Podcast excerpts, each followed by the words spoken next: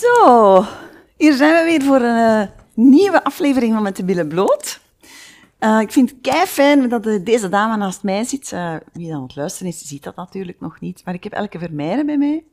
En uh, de allereerste keer dat ik Elke ontmoette was voor haar eigen podcast. En ik herinner mij dat gesprek nog heel goed. Want ik heb dat een beetje bewogen een paar keer in de richting van de seksualiteit en seksuele energie en zo. We hebben het daar ook een paar keer over gehad. En ik vond dat uh, een heel fijn gesprek. Ik heb daar heel fijn, uh, een heel fijn gevoel aan overgehouden. Dus ik vond het ook heel fijn dat Elke ja zei om uh, hier te komen naast mij zitten. En zoals altijd begin ik met dezelfde vraag. En die is, Elke, wie ben jij? Dag lieve. Hey. Ik ben heel blij dat ik hier naast jou mag zitten. Ja? En ik heb dezelfde herinnering aan ons gesprek. Want oh jee, wat trigger jij altijd veel in mij. Maar ik ga eerst antwoorden op je vraag, hè, want ik ben er al meteen aan het duiken. Hè. Ehm, wie ben ik? Op dit moment stelt je ook meteen een vraag die right to the point is. Want sinds dat jij bij mij in de podcast kwam en het punt waar ik nu sta, is er gewoon heel veel veranderd. En merk ik wel dat de podcast die ik toen aan het opnemen was, de Rebels Only reeks, um, dat dat mij een stukje in een soort van identiteitscrisis heeft gebracht. Als een, niet zo dramatisch dan het klinkt, maar een shift die ik nodig had net om die vraag. Wie ben ik? Ja, dat is ook een moeilijke vraag. Hè? Ja. Allee, het is een makkelijke vraag, maar een moeilijk antwoord. Een moeilijk antwoord, omdat ik eigenlijk ehm, in de maanden die daarop gevolgd zijn, naar de leegte ben gegaan en heel veel stukken heb afgepeld waarvan ik wist dat dat eigenlijk niet was wie ik ben. Hmm. En dat mijn identiteit... Ja, wat is een identiteit? Dat is iets dat je u vaak aanneemt omdat de buitenwereld dat van u verwacht. Of um, om jezelf te beschermen, omdat je niet kwetsbaar durft op te stellen of om bang zijn om gekwetst te worden. En ik ben toen oog in oog gekomen met het feit dat ik eigenlijk mijn identiteit niet ben. Ja, hmm. dan gaan we niet helemaal richting dat boeddhisme. Ik weet niet of dat de bedoeling is van deze aflevering. Nee. Maar, maar dat is niet erg. Maar Laten we even gaan. Ja, ja, ja. Ehm, nee, maar daar ben ik wel even door moeten gaan om te voelen van ja, in dit leven ben ik uh, elke uh, beter bekend als de oprichter van Goodness en voedingsdeskundige. Maar ik heb ook wel gevoeld dat ik mijn pad een beetje moest wijzigen richting holistische gezondheid.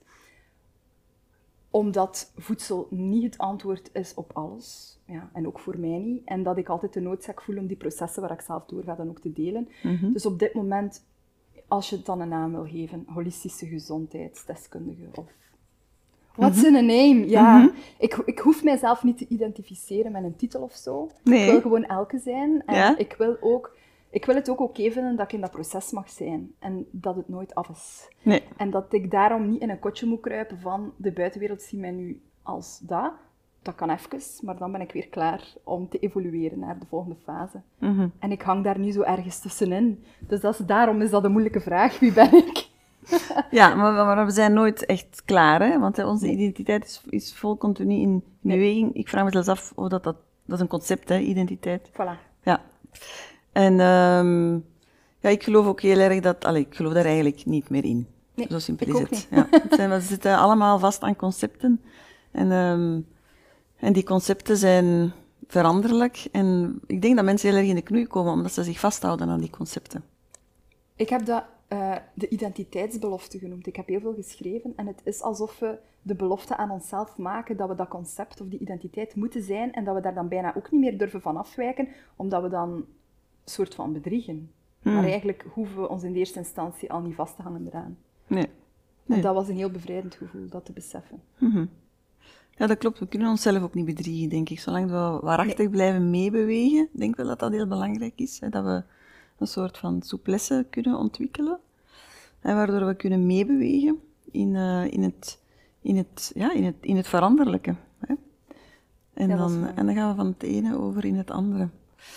Maar goed, uh, allemaal heel boeiend, maar dat is voor een andere podcast. Ah, oké, voilà. Ja, ik heb u precies niet goed gebriefd. Jawel, maar uw vraag, hè. Uw vraag triggerde dat, hè.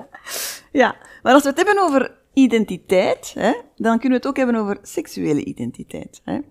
Ook al uh, zei ik daarnet van, aan identiteit is een concept, maar voor mij is een seksuele identiteit is, um, de manier waarop dat we onze seksualiteit beleven.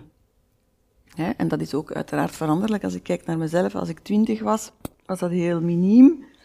Ik, ik word eh, binnen twee jaar uh, 50, ik kijk daar ongelooflijk naar uit. Um, en um, ja, dat is totaal anders. Dat is, uh, ja, dat is zelfs niet meer te vergelijken. Dat is een andere vrouw, hè? ook al was het in essentie dezelfde. Um, maar, maar wat is dat voor jou? Een, een seksuele identiteit? Of als ik, als ik het dan een beetje ruimer mag trekken, jouw seksualiteitsbeleving, hoe ziet die eruit? Ik heb u van in het begin gezegd, als je mij uitnodigde, dat dat serieus uit mijn comfortzone is om hierover te komen praten. En je zei tegen mij, dat is helemaal oké. Net omdat dat een heel zwaar beladen thema is in mijn leven. Mm. En ik voelde mij wel geroepen om in te gaan op uw vraag, net omdat ik het ook belangrijk vind dat ik dat kan brengen hier. En dat niet alleen vrouwen die uh, heel hard in hun kracht staan, aan bod komen. Mhm. Maar ik voel mij een hele grote groep vrouwen vertegenwoordigen. Mhm. En niet toevallig heb ik heel vaak gesprekken over seksualiteit de laatste tijd. Het is alsof dat het moest samenkomen met het punt waarop dat ik nu hier met jou zit. Ja? Want niet toevallig ben ik zelf ook wel daar laagjes dieper aan het gaan. Ehm, maar misschien moet ik even terugkeren naar het feit van... Ik heb me nooit de vraag gesteld of dat je een seksuele identiteit hoort te hebben in de eerste Mhm. instantie. Want dat was eigenlijk al iets wat van in mijn jeugd niet echt beleefd kon worden, omdat daar zoveel trauma op zit. Mhm. Omdat mijn moeder eh, ja, heel veel seksueel trauma heeft. Dus uh, als heel klein kindje seksueel misbruikt door haar vader. Mhm. Alle vrouwelijke leden van de familie, behalve ik. En ik denk altijd, misschien weet ik het gewoon niet. Want alle vrouwen, Mhm. ook de nichten, Mhm. behalve ik. Waarom Mhm. ik dat niet, dat kunt u dan afvragen. Maar eigenlijk hoef ik het niet te onderzoeken, want het maakt eigenlijk ook allemaal niet uit. Nee. Maar ehm, ik heb het mij wel vaak afgevraagd. Omdat het zo moeilijk, een, een moeilijk iets was. En dan is de vraag, is het moeilijk omdat ik zelf iets heb meegemaakt waarvan ik het niet weet? Of is het moeilijk omdat we natuurlijk dat generatietrauma allemaal met ons meedragen? Uiteraard. Ja, omdat dat bijna ingeprent is in mijn celgeheugen, Ja. in mijn DNA zit. Ja. Dus ik voel eigenlijk dat ik daar heel veel ja, opruimwerk rond te doen heb, waar ik gewoon ook nog altijd volop in zit. Dus ik vind uw vraag over identiteit opnieuw een moeilijke vraag, Mhm. omdat ik dat volop aan het aankijken ben op dit moment, Mhm. maar via andere en nieuwe invalswegen dan dat ik het vroeger zou gedaan hebben. Mhm. Ik ben al eh, samen met mijn man van als ik 16 ben, Mhm. dus ik ben sowieso al niet iemand geweest die naar dat soort avonturen op zoek was. Mhm. Maar altijd wel heel erg gewoon het vertrouwen wilde voelen bij de partner waar ik bij ben. Mhm. En met die persoon gaan exploreren daarin. En daarin heb ik wel zeker al een mooie evolutie doorgemaakt, vind ik zelf. Ehm, en heb ik wel iemand gevonden waar, dat ik, waar dat er veel mogelijk is qua vertrouwen en uitdaging. Dus ik denk dat onze, ehm, de relatie die wij hebben, dat dat heel geduldig is verlopen. En ook heel veel shifts kent en een paar doorbraken, maar niet van hem uit. Want hij is altijd constant gebleven. Mhm. Maar ik had die shifts iedere keer nodig. Mhm. Omdat ik mij zo moeilijk kon openstellen. En Mhm. iedere keer dacht ik op die momenten, zou er iets met mij aan de hand zijn? Zou er iets gebeurd zijn? Eh, waarom vind ik het zo lastig om intiem te zijn? Ehm, niet dat ik dat niet doe. En als ik dan uiteindelijk met andere vrouwen praat, dan denk ik van...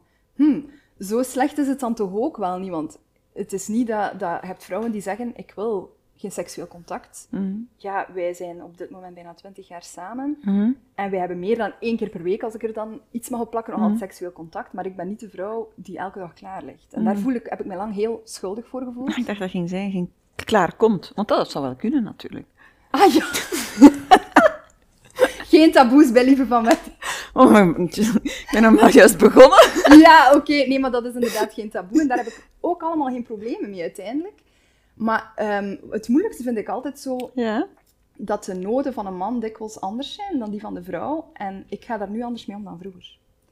Mhm. Als in vroeger dacht ik van, ik kan hem niet geven wat, ik, wat dat hij nodig heeft. Of ehm, ik voel mij schuldig. Heel veel schuld. Heel veel schuld eigenlijk. Mhm. Dat heeft lang geduurd, al, alvorens ik door had van, wat voor schuld zit daarop? Mhm. Dat kan niet de juiste energie zijn vanuit schuld. Mhm. Vanuit schuld dat ik niet goed genoeg ben. En ik heb toen heel de, de rompslomp onderzocht van hormonaal, heel fysiek. Mhm. Wat, wat mankeer ik fysiek? Mhm. Wat moet ik eten? Wat moet ik minder eten? Wat kan ik doen? Oké, eh, dat spiraal eruit. Ehm, stoppen met anticonceptie. Al die dingen. En iedere keer was dan de belofte, als ik dat ga doen, ja, dan... dan, dan komt het. Maar waarover ging het dan precies, Elke? Ging het dan over dat je, dat je geen zin had in, in, in... Niet zo vaak als hem, maar dan is ook weer de discussie, is dat een probleem? Ik vind dat geen probleem. Want dat is vaak zo afgeschilderd, ook in de media, alsof mhm. dat we altijd... Of dat er iets mis is met een vrouw als ze geen zin heeft. Mhm. En ik heb snel, uh, heel lang het idee gehad dat ik niet conform was of zo. Dat, dat andere vrouwen veel meer zin hadden dan ik. Tot ik er eigenlijk achter kwam dat andere vrouwen vaak nog veel minder zin hadden dan ik als ik in gesprek ging met andere vrouwen. Maar eigenlijk hoef ik mij zelfs niet te vergelijken, want daarover gaat het niet eens. Nee. Maar daar, in die strijd heb ik wel heel lang gezeten. Ja. Ik ben niet conform. Kijk eens, want, kijk eens op tv, daar, vrouwen, dat is allemaal zo makkelijk. Hè? Mhm, mhm. En dat is ook een beetje de schuld van Hollywood. Dat ze ons daar een realistisch beeld programmeren en imprenten van hoe het zou moeten zijn. Mhm. En ik heb de shift dan gemaakt van, oké, ik moet het oplossen. Ik moet het oplossen, want er is iets fout met mij. Die shift heb ik wel kunnen maken van, mm, maar het is eigenlijk, er is in, in eerste instantie niets verkeerd met mij. Het is iets samen. En in tweede instantie heeft het niet zo veel te maken met de dingen langs de buitenkant of in het fysieke veld. Ik heb dat trauma aan te kijken. Mhm. Ik heb energetisch werk te doen. Mhm. En ik heb veel beter te begrijpen wat de yin en de yang energie in een relatie is. Dat vooral. Mhm. Oké. En daar ben ik nu wel op het laatste jaar allemaal aan het doorgaan, dus dat is wel heftig en veel. En wat levert het jou op? Ehm, het levert mij een soort van bevrijdend gevoel op, maar ik zou wel in de valkuil durven trappen van en dan gaat het opgelost zijn. En dat weet ik nog altijd, dat dat niet ehm, de juiste insteek is, want ik hoef eigenlijk iets op te lossen, want alles is al heel op dit moment. Ja. Uh, de brug die, die we nu als koppel te maken hebben, is hem daarin mee te krijgen. Waarin? In mee te krijgen, in, omdat ik nu eerder een spirituele benadering heb van Mhm. omgaan met, met seksualiteit. Mhm. Terwijl dat, ja, mijn man is een man. Hè. Dat is meer het visuele en dat vertrekt vanuit de geslachtsorganen en voilà. Bij een man er- moet het eigenlijk vertrekken vanuit het hart. Hè? Ah, ik had onlangs in de Chinese gezondheidsleer gelezen dat het bij een vrouw van het hart naar de geslachtsorganen gaat en bij de man andersom. Het is echt andersom. Energetisch.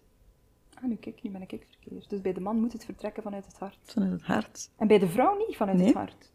Bij de vrouw loopt de, de vrouwelijke energie, de vrouwelijke seksuele energie, die we allemaal, hè, die we ook mannen, die mannen en vrouwen in hun systeem hebben, hè, hè, want we hebben ze allebei natuurlijk.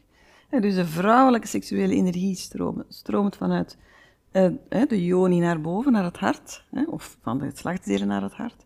En, bij, en de mannelijke energiestroom, seksuele ener- energie stroomt, stroomt van aan het hart naar de geslachtsdelen. En zo heb je eigenlijk de, een perfecte cirkel, hebben we allemaal. Ja, Ja. ja. En dat is het mooie, hè, als, ik, eh, als je dat dan ziet. Je, eh, dus je hebt, eh, je hebt een, man of een vrouw, of twee vrouwen, of twee mannen, maakt eigenlijk allemaal niet uit. en als, die, als bij die pers- beide personen die seksuele energiestroom volledig rond is, hè, wat dat bij heel veel, heel veel mensen niet het geval is, ehm, ja, dan zie je natuurlijk dat die cirkels in elkaar komen. Ja. En dat is het van, meest fantastische. En wat is het schoonste dat er dan kan gebeuren, is dat daar een kind uitkomt. Ja. Hè, want we zijn, het product van een seksuele activiteit. Hè?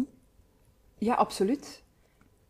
Ehm, ik heb wel momenten al gehad waar dat ik dat heb mogen ervaren. Mhm, En ik heb dat nooit kunnen verklaren, omdat dat iets heel energetisch was. mhm, Dat is altijd gebeurd eh, na een, een bezoek aan het buitenland op een bepaalde krachtplek. Zonder dat ik zelf die krachtplek bezocht met de intentie om die te bezoeken. mhm, Maar er gebeurde iets met mijn hartchakra, denk ik, op die Mhm. plekken. Mhm, En bij terugkomst was er iets geshift in mijn seksuele energie. mhm, Maar ik, heb er, ik weet dat het energetisch is. Ik denk dat ik daar geheeld ben. mhm. Maar dat hebben we heel hard elke keer gevoeld, dat we dan naar een ander level konden transformeren samen. En dat ik dan wel die energie voelde helemaal doorstromen. Mhm. En dat gaf ons wel het idee van, het zit er toch wel in, het is mogelijk. Uiteraard, het is voor iedereen mogelijk. Ik geloof ook heel erg, hè, want je zegt ja, vrouwen zien hebben geen zin. Maar als een vrouw echt aan het werk gaat met zichzelf en haar energie eh, allee, dat ze leert hoe ze haar energie kan laten stromen door lichaamswerk en door ademwerk en zo, dan komt dat eigenlijk vanzelf. Maar is er ook zo niet iets als de seizoenen die we te respecteren hebben in onszelf en in de cycli in ons leven? Dat klinkt heel zweverig. Voor mij is dat, voor niet, mij? Voor mij is dat niet zweverig. Omdat ik wil daarom niet zeggen dat... Ik zeg daarom niet dat je elke dag... Nee, weet je, ik ga mij toch wel even... Uh, ga eens even voelen wat ik juist wil zeggen. Want die seksuele energie is gewoon altijd aanwezig. Moet je daarom altijd seks hebben? Nee. Seksuele energie en seks zijn twee verschillende dingen voor mij. Mm mensen denken altijd, ja, maar ja, lieve, wil je altijd, wil je altijd neuken? Uh, nee, ik wil dat niet. maar ik voel die energie wel altijd stromen. want voor mij is dat puur, dat is puur levensenergie, dat is levenskracht, dat is, mijn, dat is mijn power, dat is mijn bron. Maar dat wil daarom niet zeggen dat ik om de vijf voeten een orgasme wil.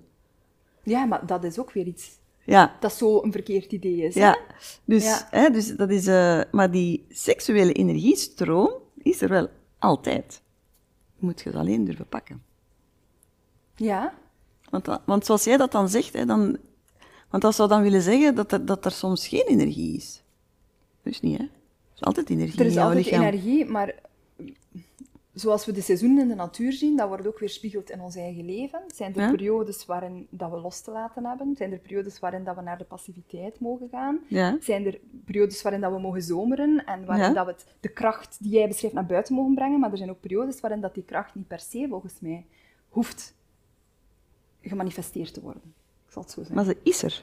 Ja, dat kan wel. Dan, ik ontken niet dat de kracht er niet is. Ik zeg alleen, dan, hoe ga je dan om met... Ja, voor mij zijn de seizoenen niet zweverig, dat is de natuur. Dus de vraag is, ik zeg niet dat ik het antwoord weet, maar dat zijn wel dingen die mij bezighouden en waar ik ook al met vrouwen over gepraat heb. Bijvoorbeeld oudere vrouwen, en dat is een, een enorm taboe, dat die mhm. dan denken van ja, op oudere leeftijd is het eigenlijk allemaal niet meer zo nodig. Mm.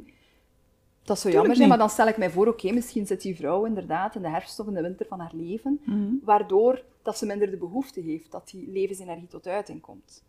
En hoeven we daar ook niet altijd tegen te vechten of kunnen we die fases ook omarmen in ons leven? Hmm.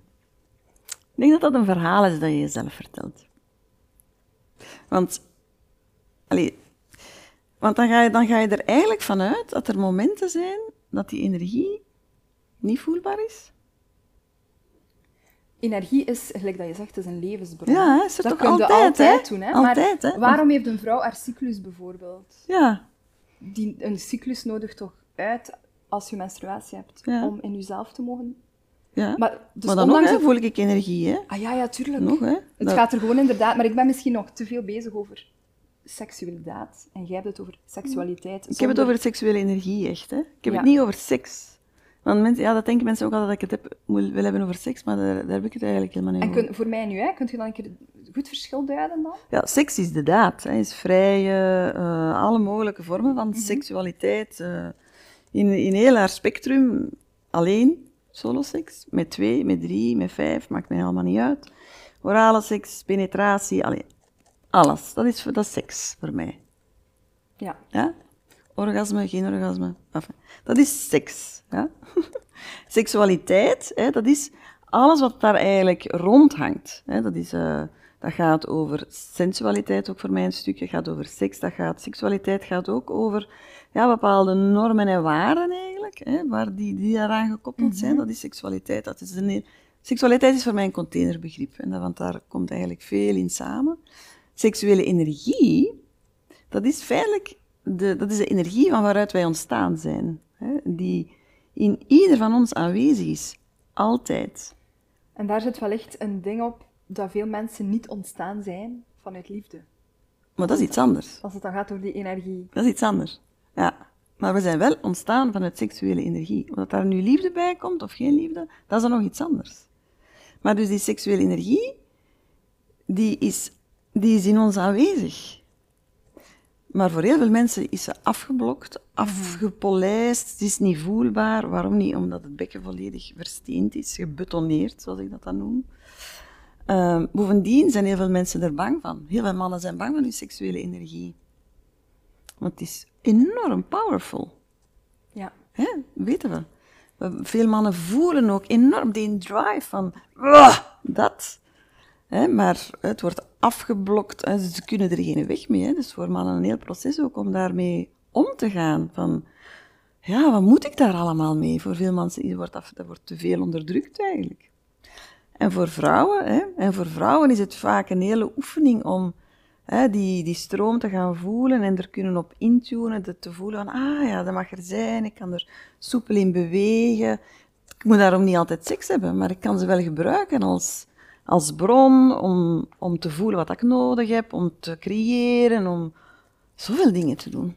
Ja, maar dat voel ik dan wel. Dat is vooral die vrouwelijke energie die, die er gewoon mag zijn. Ja. Zonder ons daar te moeten voor verantwoorden. Omdat we nog altijd in de buitenwereld toch heel vaak dat mannelijke gespiegeld krijgen. Hè? Mm, ja. Maar dat is ook iets dat, wat je ziet in de buitenwereld, is nog altijd een stukje van jezelf. Dus Ja, eh, ja. ehm, daar ben ik mij ook wel van bewust. Ja. Ehm, ja, ik volg in vele opzichten, maar ik zeg het, ik ben daar heel onderzoekende zelf Ja. in. Dat is oké, hè? En eh, ik vind het wel spannend, omdat ik nu vooral eh, in de tantra aan het lezen, bestuderen ben. Ja. En daar heb ik wel een bijzondere ervaring in gehad. En misschien wil ik met u overleggen hoe dat jij dat ziet, Ja. zonder dat je het zweverig moet vinden. Ehm, Tantra is niet zweverig, hè? nee, maar wel hoe dat het tot bij mij is gekomen. Mm. Ik heb dat in een visioen gedroomd zonder dat ik het wist. Ja. Ik droomde van twee slangen die dit deden. Ja. En ik wist onmiddellijk dat dat droombeeld, dat visioen, mij kwam vertellen dat er een, een verbinding mag zijn tussen mannelijke en vrouwelijke energie. Ja. En ik wist ook onmiddellijk dat het betrekking had op iets met mijn man, met Sven. Mhm. Maar ik dacht, wat, wat heeft dat beeld nu te betekenen? Ik snapte er niet zoveel van. Dus ik heb dat laten rusten en dan kwam ik het weken later toevallig tegen in een boek dat ik aan het lezen was rond holistische gezondheid, waar Hans de Kundalini-energie stond in uitgelegd. Mhm. En dan las ik over de, over de slang Mhm. die in het bek ligt opgerold van de vrouw en die wakker wordt. Mhm. En die dus hè, verbinding wil maken met de man in het zevende chakra. Mhm. En toen dacht ik, hoe bizar dat ik dat gedroomd heb. Mhm. Want het was wel net op zo'n moment waarbij ik die zaken in vraag aan het stellen was. Mhm. Waarbij ik eigenlijk bijna letterlijk dacht van... Hoe kan ik op een andere manier seksualiteit benaderen dan ik het nu doe? Energetischer, spiritueler. Geen spiritualiteit van een zweverige spiri- spiritualiteit, maar energetisch. Mhm. En dan kreeg ik dat beeld. Mhm. En dan heb ik wel energetisch ook contact meer gezocht met mijn man, omdat ik ook wel door had van, is er voldoende emotionele verbinding? Mhm. Wat ik wel een voorwaarde vind. Mhm. Het kan Ja. niet vanuit commando of van, ja, dat is bij ieder vrouw anders, maar ik heb het zo niet voor porno en zo, daar ga ik niet op aan. Ja, Nee, dat is is... oké. ik ook niet. zegt mij niet veel. Dus ik, ik ben gewoon, ik probeer creatiever te worden in het zoeken van manieren. En ik, ik sta er ook voor open dat de man of de andere zijde andere prikkels misschien heeft. Mhm. Dus dat vind ik, ja, dat is een zoektocht, dat is een puzzel die ik nu wil leggen. Maar vroeger zat ik daar eerder in vast en dacht ik van, ja, het is gewoon niet aan mij besteed. Hè. Mhm. Het is niet oké, ah, ik, ik, ben niet, ik ben niet normaal, ik heb dat lang gedacht. Hè. Mhm. Tot als ik aan die heling begon van eh, vorige generaties. En tot als ik gewoon dacht van ja, maar er zijn ook andere wegen. Dus ja, er is nu wel iets aan het gebeuren met die kundalini-energie. Fijn. Alleen is die energie ook wel... En ben ik erin tegengekomen dat ik er ook ergens bang van ben, omdat ze heel krachtig is. Het is heel krachtig, ja. En sinds ik met die energie werk... En nu komt het stukje dat je misschien heel zweverig gaat vinden, dus ik verwittig u al. Ja, ga verder. Ehm, heeft mijn man eh, last gekregen van... ehm, een, in, zijn, in zijn slaap 's nachts van een soort van... Ja, evenwichtstoornissen. Mhm. Opgestapelde energie en hij moest heel hard overgeven. En dat is Hmm. allemaal gebeurd op die moment dat ik met die energie begon te werken. Mhm. Mhm. Waarbij ik dan dacht van, is die energie niet gewoon te krachtig, niet genoeg geïntegreerd, waardoor dat hij nu daar geen weg mee kan of zo. Mhm. Je bedoelt bij hem? Bij hem, ja. Mhm. Er is geen opening bij hem. Hij denkt ook aan het... Hij ziet helemaal geen link daartussen. Ah, nee, nee. Maar energie kan toch nooit te krachtig zijn? Ja, maar als je er zelf geen, niet mee weg kunt, of je weet niet hoe dat je moet uiten, dan kan dat toch wel? Het kan zijn dat er een emotie onder zit. Hè? Misschien is het nodig dat hij wat emotional release doet. Ja. Want er komt iets uit, blijkbaar. Allee, ik, ik, wil dat hier nu niet gaan analyseren voor de camera. Nee, hij gaat dat er, ook niet... Uh... Er komt iets uit, dus, uh, dus ja, als er iets uitkomt, ook hè, als je emotioneel lichaamswerk doet, hè, dan mensen beginnen over te geven soms ook en zo. Hè. Dat ah, wel, maar dat was er gebeurd met hem, hè? Dat is helemaal oké okay ook. Hè. Dan, dan denk ik van, oké, okay, dan, is het, dan is het eruit, dan is het ook oké, okay, ergens. Ja, ja. Maar het is ook altijd interessant om te gaan kijken ja, wat daar dan uh, emotionele, op de emotionele laag uh, ja. te vinden is. Zeg maar, uh, ja, met de, je vertelde al een beetje over jouw gezin van herkomst. Mm. hoe is jouw seksuele opvoeding geweest? Ja, heel veel preutsheid. Hè? Dus um, de transformatie daarin is voor mij ook enorm. Je moet rekenen, als ik zeven jaar was, dan um, heeft de leerkracht mijn ouders naar school geroepen, omdat, het, omdat hij het een abnormaal gedrag vond van een zevenjarig kind hm. om zich niet te durven omkleden tijdens turn- en zwemlessen. Ah, ja. Ik kan er mijzelf niet veel meer van herinneren, maar blijkbaar, dat was een, ik weet nog wel een grote om, omkleedhok. Ja. De andere kinderen die konden gewoon zonder gêne hun kleren wisselen. Mm bij mij ging dat niet. Mhm. Ik wilde het niet doen alvorens dat niet iedereen uit die kamer weg was. Ja. Alvorens ik nog maar durfde van kledij te wisselen. Mhm. Maar voor een zevenjarig kind is dat niet echt normaal ja, gedrag. Dus dat aanhalingstekens ja, natuurlijk. geen normaal gedrag. Ja. Maar ja, als ik eraan terugdenk, dat was ook iets wat ik nooit thuis gezien heb. Nee. Er was ook zoveel privacy en respect bijvoorbeeld van mijn vader uit. Ik heb die man nooit naakt gezien, bijvoorbeeld. Die zou ook nooit bij mij binnengekomen zijn, maar ik denk dat dat ook weer was vanuit wat er met mijn moeder gebeurd was. Leuk. Dat hij zich op zich al heel voorzichtig daarin opstelde. Ja. En mijn moeder is sowieso een vrouw die niet bezig is met dat soort zaken. Daar werd ook nooit over gepraat. Het is een heel groot taboe-onderwerp. Mm. Ja. En, maar nu kan je er wel over praten. Of, ja, daarom. Dat is voor mij wel echt een doorbraak dat ik hier zit. Ja. En kan, je, en kan je er met je moeder over praten? Um, over het feit dat ik hier zit of gewoon over... over... seksuele energie, seksualiteit, intimiteit? Nee, maar ik blok dat zelf ook af, merk ik. Ah ja, dat is boeiend. Ze heeft dat ooit wel geprobeerd, omdat zij bijvoorbeeld helemaal daarin vastzit. En dat ze daar heel, mijn moeder is al um, jaren therapie aan het volgen, Jungiaanse therapie volgt ze. Ze uh, heeft heel veel kunnen oplossen in dromen, omdat er heel veel in haar onderbewustzijn zat. Mm -hmm. Um, en daar, ja, in dromen heb je heel veel seksuele energie sowieso. Mm -hmm. Je droomt ook heel veel in seksbeelden. Ja, Freud zou blij zijn als je dat, je dat zegt. Ja, nogthans, Freud zijn, zijn visie is niet de juiste. Allee, Toch zou hij heel blij ja, zijn. hij zou heel blij zijn, maar het is, ja, de betekenis is wel iets anders ja, vaak. Ja. Vandaar de Jungiaanse therapie gaat ervan uit dat het een andere betekenis heeft dan hetgeen dat uitgebeeld wordt. Ja. Um, dus zij zit op dat vlak echt wel heel ver hoor, met Mm. haar manier van hoe dat ze ermee omgaat. Maar ik heb daar zo precies zelf geen behoefte aan om daar met haar over te praten. Mm. En nu dat je mij die vraag stelt, besef ik eigenlijk ook wel dat dat ook een heling zou kunnen brengen. Gewoon al die, Mogelijk. het gesprek aangaan. Ja. Um, ik weet gewoon van, van mijn moeder dat dat voor haar ja, heel, heel zwaar nog altijd en moeilijk is. Ja, altijd zo. geweest. Omdat ze fysiek, energetisch gewoon dingen herbeleeft en zo. En ik ga er dan vanuit, als, als ik op die stukken kan werken, dat ik het, de generatielijn mee aan het helen ben. Ja, dat is ook zo. Ja, dus ik denk dat zij haar werk op haar manier doet, geen dat zij aan kan. En dat ik ook het mijne te doen heb, op het niveau dat ik het aan kan. Mhm. Om het dan, ja, hopelijk voor de volgende lijnen uh, minder zwaar te maken. Maar ik, ik heb het geluk dat dat bijvoorbeeld in mijn man zijn familielijn totaal geen taboe is. Mm.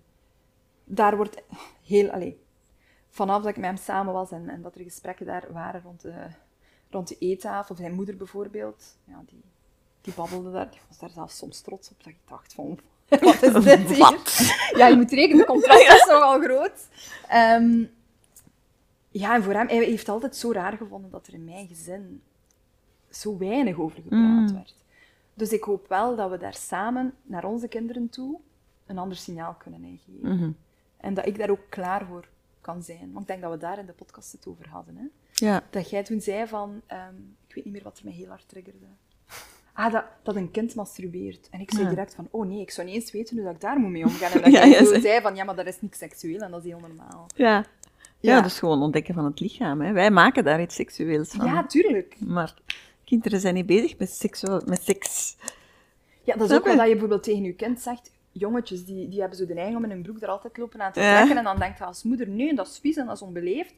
Maar eigenlijk stopt het dan al van alle verhalen. Je hoeft die niet eens waar zijn. Tuurlijk, helemaal. Ja, tuurlijk. En ik zou denken, doe je broek uit, jongen. Het is veel leuker om naakt aan te lopen. Hè? Voel je vrij. Ja, voel je vrij. Doe maar. Hè, dus het zijn allemaal... Ik vind bij seksualiteit en... Uh, is er, ja, komen we heel dicht en pijnlijk dicht zelfs bij alle, alle hokjes en normen die we hebben. Hè. Ja. Bewust of onbewust, uh, impliciet, expliciet. Dat voel ik wel. Daar zit gewoon heel veel lading op. Dus toen jij zei, we gaan een gesprek daarover hebben, ik had geen idee welke kant dat, dat zou kunnen uitgaan. Mhm. Alleen als in, ik, ik ga mij kwetsbaar opstellen en, en delen mhm. hoe het voor mij is. Zonder mij daarover te schamen, maar vooral naar signaal toe van, ik weet dat heel veel vrouwen dat ook ervaren. En, ehm, en dat is oké. En ik vind het tijd dat dat taboe eraf gehaald wordt. Ja, er is heel, heel veel werk in, hè heel veel werk. En ik zie ook heel erg dat zodra die seksuele energie, hè, dus niet seks, maar seksuele energie echt vrijkomt, en dat die stroming terug op gang komt, dan gebeurt er veel in een vrouw haar leven. En dan gaat ze zich anders gedragen, anders kleden, anders manifesteren. Ze pakt, ze pakt haar leven op. Ja. Ja, dat is nu wel iets, omdat ik daarnet zei, van hoe de transformatie komt van hoe werd je als kind. Heel, heel preuts. Ik ben preuts opgegroeid. Ja. Ehm, ik mocht bijvoorbeeld ook van mijn papa uh, niet met een blote buik rondlopen. Ik vond dat heel gemeen. Allee, dat soort zaken. Ja, marginaal, zeiden ze bij mij thuis. Ja. Tattoos zijn marginaal. Nee, dat is allemaal niet, allemaal niet oké. Ja. Um, en mijn man is dan iemand die heel graag fotografeert. Ja. Um, maar heel graag vrouwelijkheid in beeld brengt. En geen vulgaire vrouwelijkheid, maar echt zo stukjes bloot. Ja. En als ik dan nu zie op welke reis dat hij mij heeft meegenomen, is dat mhm. eigenlijk wel heel mooi om te zien. Mhm. Als in het begin van, je gaat dat toch niet fotograferen of dat durf ik niet, mhm. naar dit soort foto's die zelfs nu al gewoon in mijn huis omhoog hangen. Waarvan dat ik zeg, oké vader, welkom in mijn living, maar hier hang ik. En je hebt mij zo te nemen of te laten, eigenlijk mijn manier van spreken. Ja. Of um, een fotoshoot op het strand doen, waarbij dat, we, dat ik een strandbal gebruikt heb om mijzelf te coveren, maar waar ik voel dat ik eigenlijk totaal geen gêne meer heb om mijn bikini daaruit te doen. Ja. En dat ik het eigenlijk helemaal niet erg zou vinden dat iemand mij ziet. Sven vindt het op dit moment erger dan ik. Oei, let op dat iemand u ziet, ik zeg en dan. Wat gaan ze dan zien? Mhm. Die kennen mij toch niet eens. En wat, wat, is er zo verkeerd aan ja. een vrouw om te zien? Dus die stukjes schaamte en schuld, die ben ik er zo aan het afpellen. Mhm. Dat is een mooie evolutie om te zien en te voelen bij mezelf. En daar ben ik hem ook wel dankbaar voor. Want ik moet eerlijk zijn, hij, hij pusht me daar op een bepaalde manier ook wel. Want ik zou dat spontaan niet doen. Mhm. Ik zou niet zelf de vragende partij zijn zoals dat jij doet. Mhm. Maak een keer zo'n foto's van mij. Nee, nee. Uh, maar hij is daar wel constant de vragende partij naar. En hij doet daar heel... En hij sloopt dan daar echt vooruit. Hij is constant ook op zoek naar accessoires en naar kledij. Hij koopt heel veel kledij voor mij. Mhm. Heel veel lingerie. Heerlijk. Ja, ik, ik denk dat echt... Ik kan winkel houden met lingerie die die man voor mij koopt. Maar hij vindt het dan fantastisch om daar fotoshoots mee te doen. En dat is ook een beweging die ik gemaakt heb. Ik dacht dan altijd van, ja, maar waar, waarom? Wat gaan we daar dan mee doen? maar gewoon voor onszelf. Ja. Het proces alleen al. Dus dat stuk van altijd ergens te moeten naartoe werken Mm. en altijd een doel te moeten hebben voor de buitenkant of voor Mm. de buitenwereld, daar ben ik ook geleidelijk aan van losgekomen. Mhm. Te kunnen genieten van het proces en ja, het gewoon te zien als iets dat we samen doen, Mhm. Mhm. zonder dat het een doel hoeft te hebben. Ja, lijkt mij een uitstekende activiteit voor een koppel, Ja, toch? ja dus, het is wel, ja dat, dat heeft wel een mooie bijdrage geleverd in mezelf, voor mijn eigen vrouwelijkheid, om ook anders naar mezelf te kijken, want ik schrok ervan, de manier waarop hij mij in beeld kon brengen. Mhm. Ik vond heel veel dingen aan mijn lichaam, ik vind heel veel dingen aan mijn lichaam niet mooi. En door de manier waarop hij mij kon fotograferen, kon ik ineens anders naar mijn lichaam kijken. Mhm. Werd ik niet meteen gezogen naar de stukken die ik minder mooi vond, omdat hij ergens dat talent heeft om Mhm. Net de, de schoonheid in beeld te brengen. Mhm. Zonder dat ik mezelf daar hoef voor op te hemelen, maar hij heeft er wel ergens voor gezorgd dat ik van mijn lichaam terug kon houden door doordat hij mij op die foto kon weergeven op een manier dat ik zelf niet naar mezelf keek. Mm. Omdat hij mij als een soort van muze behandelde. Mhm. En in die sensualiteit ook ging. Van hoe kunnen we uw lichaam mooi weergeven en welke accessoires kunnen we daarvoor gebruiken. En hij ging daar zodanig ver in, zonder dat ik daar per se op voorhand in meeging. Maar op het moment dat ik het resultaat zag, dacht ik wel altijd van, amai. Want meestal als de fotoshoot start, heb ik geen zin. Is echt? En dan zegt hij van, ja, en achteraf gaat hij weer blij zijn met de foto. En dat is dan wel zo. Ja. Ja, ja, ja. Zeg, eh, speaking of your body, wat voor een relatie heb je met jouw lichaam? Lang geen. Lang heb ik geen relatie gehad met mijn lichaam. Ehm, heb ik het ook ergens afgekeurd. Ja, je moet rekenen, ik ben voedingsdeskundige. En daar, door die lagen ben ik dus ook gegaan. Ik heb dat eigenlijk lange tijd gebruikt om mijzelf te fixen. Om mijzelf beter te maken Mhm. omdat ik mezelf niet goed genoeg vond. En ik maakte telkens opnieuw aan mij de belofte, als ik zo eet, als ik dat doe, dan ga ik er zo uitzien. Mhm.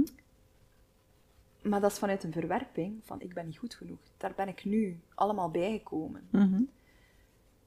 Dus die relatie met mijn lichaam, ja, die was niet voldoende ge- gestoeld op ik omarm het gewoon volledig zoals het is. Ik had altijd nog stukken die ik wou verbeteren. Mhm. Stukken waar dat ik niet blij mee was. Mhm. stukken waar ik mij voor schaamde. Want kijk, ik ben een voedingsdeskundige, maar ehm, ja, ik ben toch nog altijd te dik. Dat is een overtuiging die ik heel lang heb gehad. Mhm. Ik ben te dik om een voedingsdeskundige te zijn. Mhm. Als ik een voedingsdeskundige ben, dan hoor ik supermager te zijn. Maar dat heb ik ook ingezien van, nee, dat is, is helemaal niet waar. Ik mag gewoon een gezond vrouwelijk lichaam hebben, met de nodige rondingen. Ik hoef niet graadmager te zijn om gezond te zijn. Nee. Nee, want dat zou willen zeggen dat ik als therapeute eh, nooit geen emotionele mag hebben. issues mag hebben. Dat Absoluut. is ook totaal niet waar, hè? Nee, tuurlijk niet. Hè, ik het is ook, mee eens. ja, het is ook het proces natuurlijk, hè, dat, wa- waarin dat je dan... En wat gaat toch ook veel meer over, over het proces bij jou als je mensen begeleidt? Van, eh, Ja, ik, ik doe geen één-op-één begeleiding. Nee. Hè, dus eh, dat op zich, die confrontatie heb ik nooit gehad, maar ik, ik deel wel heel veel over mijzelf. Mhm. En dat heb ik nu veel meer kunnen ownen. Mhm. Die kwetsbaarheid en dat eigen proces mogen delen vind ik heel belangrijk, Mhm. omdat ik mij zo niet anders moet voordoen dan ik ben. Mhm. En omdat ik op die manier ook kan tonen aan andere vrouwen dat we onszelf eigenlijk niet te fixen hebben. Mhm. Wat niet betekent dat we niet aan onszelf te werken hebben. Mhm. Nee, Dat is een andere Dat is insteek. iets anders, ja. Ja, want zo berusten in, het is allemaal goed genoeg gelijk dat is. Mhm. Ik heb die grens heel lang moeilijk gevonden tussen ehm, wat is zelfliefde, Mhm. de, eh, discipline en zelfliefde. Zo, Mhm. Die, die dans tussen die twee Mhm. vind ik een hele moeilijke. Want ja, ik wil eigenlijk wel van alles aan mijzelf doen vanuit zelfliefde, maar voel ik die zelfliefde wel genoeg Mhm. als ik in die, proces, in die processen ga? Mhm. Of doe ik het toch nog altijd onbewust vanuit een soort van: ik ben eigenlijk niet goed genoeg en ik hoop als ik werk aan mezelf dat ik mezelf kan verbeteren. Ja, ja. Ja.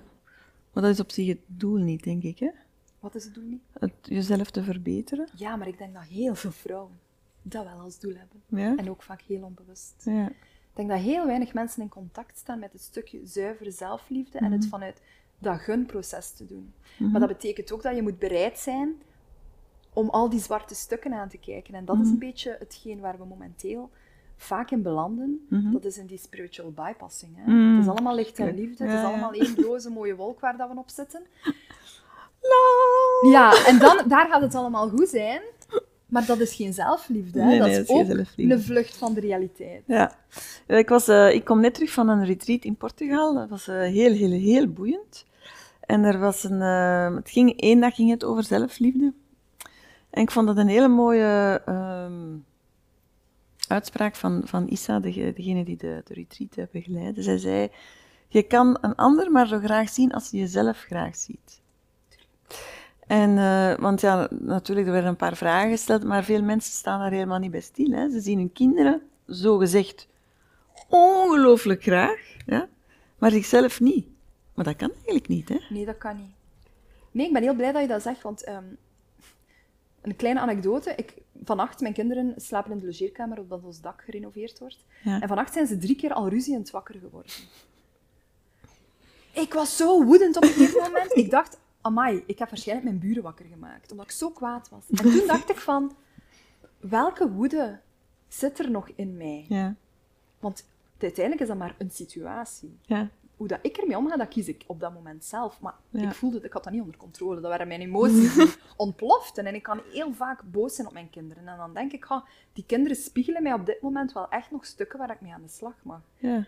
Ik zou zo een keer iets met woede moeten kunnen doen, denk ik. Ah ja. Ah, is langskomen hè, bij mij. Doe jij woede? Als ik zo'n een dag lichaamswerk doe, komt, passeert het altijd. Ja. Ah ja, kijk. Ja, ja, Zeker. Nee, nee, ja, er zit veel woede in. En misschien dat dat ook weer al gelinkt... Allee, jij zult dat wel weten aan de seksuele energie. Ja, want ik wil net vragen, van, op welke manier zou die woede jou mogelijk kunnen tegenhouden op dit moment in je seksuele energie?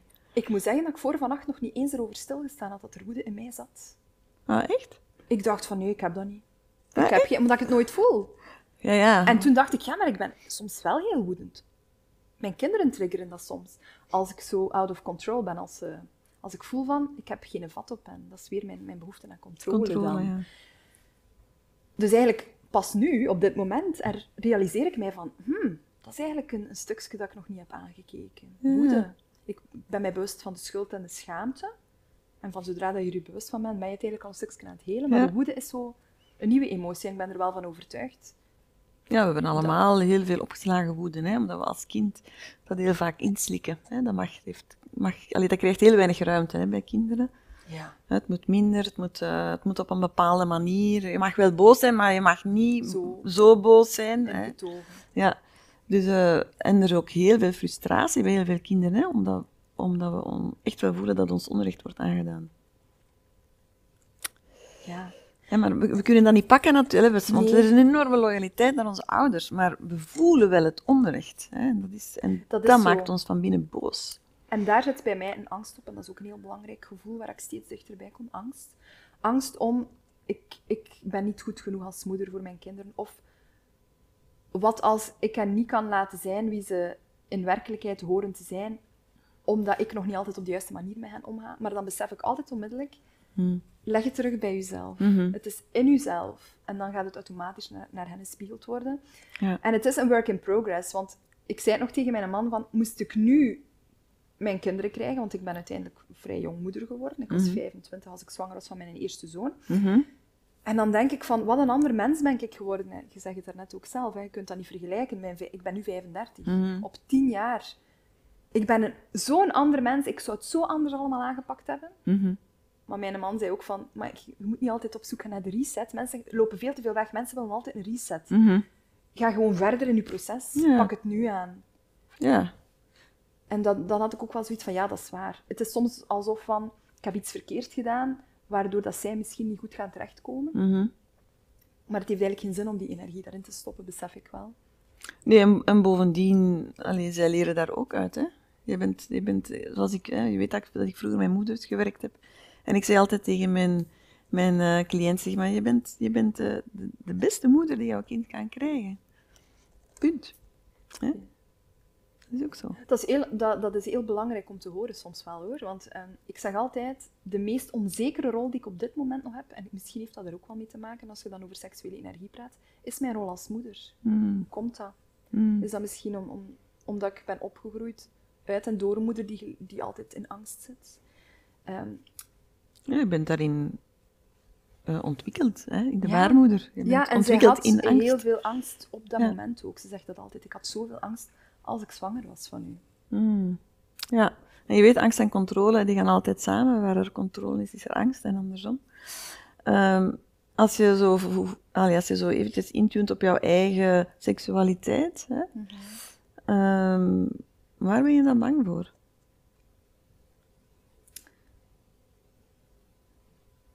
Dat is een heel goede vraag. Ik ben er eigenlijk al achter gekomen, ook door de gesprekken die ik met, met Sven heb, van ik ben bang voor de weerstand. Dat is het grootste inzicht dat ik, denk ik, vorige week heb gekregen tijdens een sessie EFT-tapping. Mhm. Dat was zelfs niet op dat thema, Maar ik kon het doortrekken naar alle thema's in mijn leven. Mm. Bang om door de weerstand te gaan, door het onbekende te gaan. Mhm. Bang voor de angst, bang voor de weerstand. Ja, ja. De weers- niet bij de weerstand kunnen zijn. Ja, ja. En, en want dat is ongemakkelijk? Of? Ja, Oh, ja. ja. Dat is ongemakkelijk. Weerstand. En eigenlijk besefte ik dat ik heel vaak in een soort van freeze ga, in, op vele vlakken. Mhm. Van zodra dat ik een soort van weerstand voel. En dan is op dat moment freezen makkelijker dan door de weerstand gaan. Het ging over iets heel stom. Ik moest heel veel opruimwerk doen. Allemaal spullen die ik door de jaren heb verzameld van mijn kinderen. Mhm. En ik raakte op de een of andere reden niet op gang om, die, om te ontspullen. Mm. Ik zeg, wat zit daar nu energetisch onder? Ik voelde gewoon weerstand om daarmee te starten en daarom startte ik niet. Maar ik dacht, wat is er zo erg aan weerstand? Mhm. En dat is eigenlijk ook exact ja, in, in de seksuele beleving of in wat ik tegenkom in mijn eigen lichaam. Mm. Het onbekende, het onvertrouwde. Mm. Ik ga, ik ga iets voelen dat ik niet wil voelen. Mm. Oh, echt waar? Ja. En wat zou je niet willen voelen dan? Ik ben er eigenlijk gewoon achter, en zeker niet alleen bij mezelf, dat ik een weerstand heb tegen negatieve gevoelens of gevoelens die ik niet fijn vind om bij te zijn. En dat ik daardoor in mijn leven altijd op zoek ben gegaan naar positieve emoties, naar de hogere frequentie emoties. Ja. En dus eigenlijk het vermijden van die, die onderste laag aan emoties. En dat is een beetje wat ik bedoel met die spiritual bypassing. Mhm. We worden gewoon uitgenodigd om altijd in die hogere emoties te gaan en om onze frequentie te verhogen. Maar daar zit ook zo'n valkuil in, want dat zou betekenen dat al die anderen er niet mogen zijn. Die andere frequenties, terwijl dat die ook gewoon integraal onderdeel zijn van, van het leven. Ja, en bovendien eh, raak je ook niet naar hogere frequenties als je die, die, die, al die shit in je kelder niet eh, leegmaakt. Dat gaat gewoon niet. Nee, en ik las onlangs iets en ik vond dat heel interessant om hier te integreren rond spiritualiteit en Ja. het seksuele. Ja? Dat dat de reden is waarom dat je bijvoorbeeld eh, in het priesterschap zoveel seksueel misbruik Mhm. ziet. Omdat daar alleen spiritualiteit beleefd wordt in die hogere regionen, Mhm. maar helemaal geen plek is voor de aardse Mhm. lagen. En daarom vergrijpen die hun aan kinderen en aan alles wat er niet deugt. Ja, en ik geloof ook dat er heel veel trauma zit hè, in, de, in de kerk. En dat dat doorgegeven wordt. En, allee. Ja, dat ook. Hè. Ja. Ja, dus eigenlijk trauma. één, één groot trauma, traumatisch veld, hè, de kerk. Laten we eerlijk zijn. Ja, dus het is moeilijk als je daarin komt dan. Hè, dan Ja, dat is die twee samen. Hè. Maar dan toch ook gewoon ruimte voor onze emoties, emotioneel werk. mm, Dat is toch nog altijd gewoon in het algemeen heel moeilijk. ja, Voor heel veel mensen. voor veel mensen een uitdaging. Ja.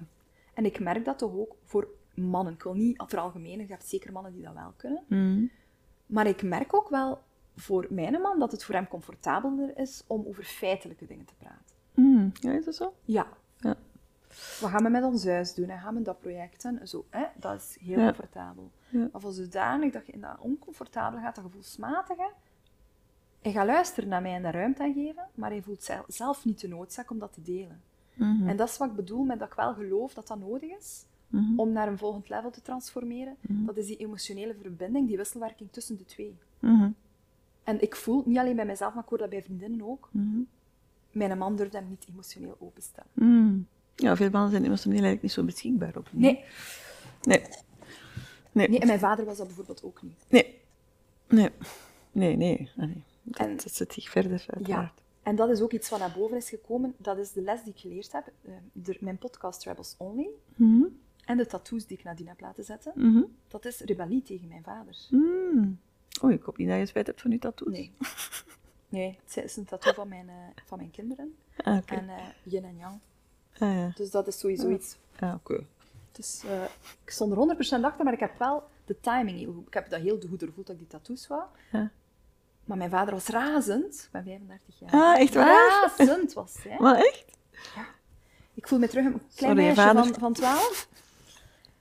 En toen zag ik ook wel in van rebellie tegen de staat. De staat symboliseert de vader. Ah, ja, ja, ja. ja. Ik dacht van, amai, dat komt hier wel allemaal samen. ja. Ik snap nu wel dat dat ook een stukje rebelleren was als dat kind dat het toen niet gedurfd heeft. Mm. Of dat kind dat zich toen onderdrukt heeft gevoeld.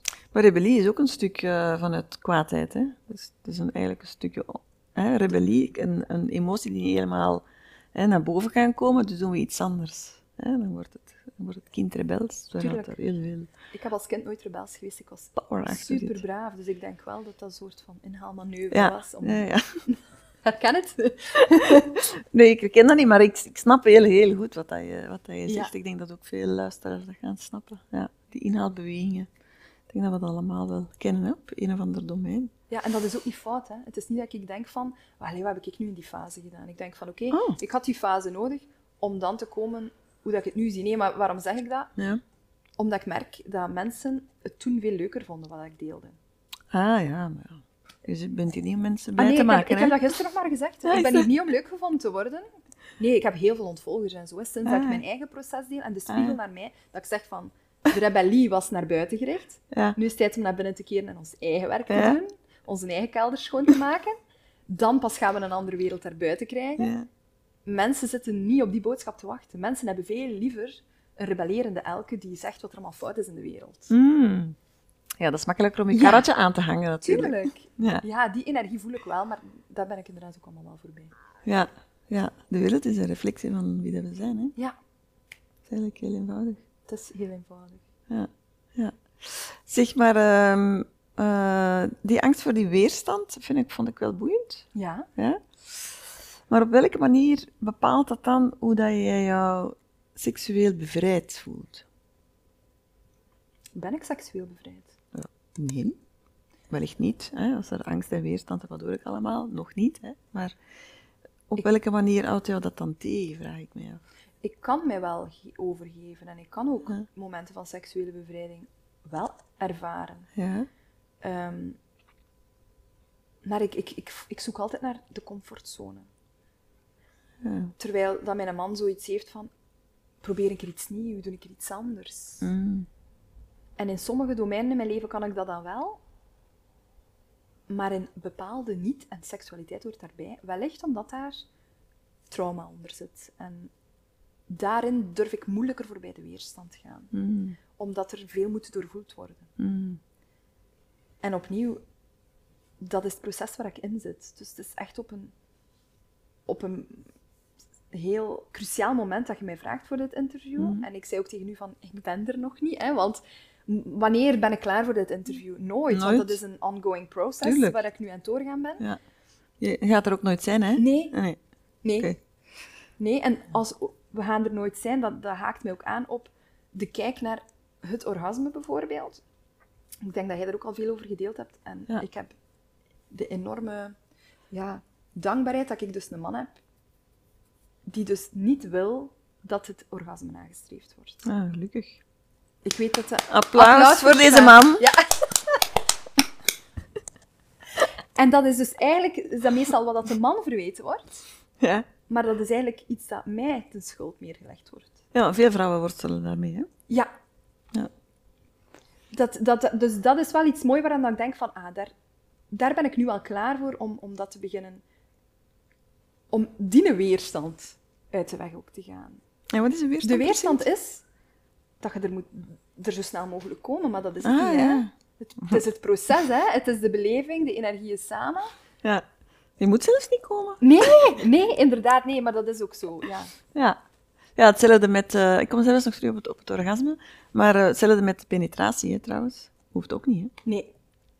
Het zijn allemaal beelden, ideeën die we hebben gekregen. Eigenlijk, heel veel, heel veel mensen zijn in wezen niet bezig met seks, tussen aanhalingstekens, zoals het bedoeld is. En de verbinding ja. tussen twee. Ja. Um, en dat is op vele momenten. Er zijn momenten dat ik dat echt wel kan voelen. En dat ik, dat ik snap van, amai, zo is het bestemd. Mm. Ja, dat is mooi, hè? Ja, ja. Um, maar dat schept dan ook de verwachting dat het altijd dan zo moet zijn, en dan komt er een druk op. Ja, ja. Ja maar vanaf dat je het in een hokje steekt, ja, dan ben je niet meer vrij eigenlijk. Nee, nee, inderdaad. Maar het is alsof je hebt je potentieel bewezen. Ah ja, oef. Ah ja, maar die moet ik even laten binnenkomen. Heb je potentieel bewezen?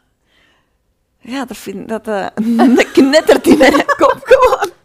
Ja, ja, want je hebt die potentieel bewezen in combinatie met seksualiteit. Dat, voor mij is dat echt een tang op een varken eigenlijk. Want ja, het is, want het is door dat... Ja, omdat, omdat Allee, als je het openhoudt, dan is er zoveel mogelijk. Hè. Dan, is, dan, er moet niet. Dan is er, dan is er net zoveel potentieel. Ja, ja. Snap je? Ja, maar ik snap het zeker. Ja, er is geen begrenzing. Hè. Dus als het helemaal vrij is, dan is het, dat is het leuke daaraan. Is er nog iets dat je denkt van, nou, dat wil ik nu toch echt nog even kwijt, lieve? Nee, ik heb gewoon geen verwachtingen gehad van dit gesprek. Ehm, en gedacht van, be yourself. Ik hoef hier niet neergezet te worden als een expert, maar gewoon als een vrouw Ja. die haar, haar struggelingen deelt. En ja, ik ben op de weg. En ik hoop dat iedereen, dat, dat er maar iets is wat dat iemand kan inspireren, is dat meer als voldoende, of herkenbaarheid kan geven. Dat zal zeker het geval zijn. Ja. Ik, heb trouwens, ik heb trouwens geen experts. Ik heb gewoon allemaal vrouwen. Dat is heel, oh, dat is mooi. Ja. Experts hebben we genoeg. Ja. Ja.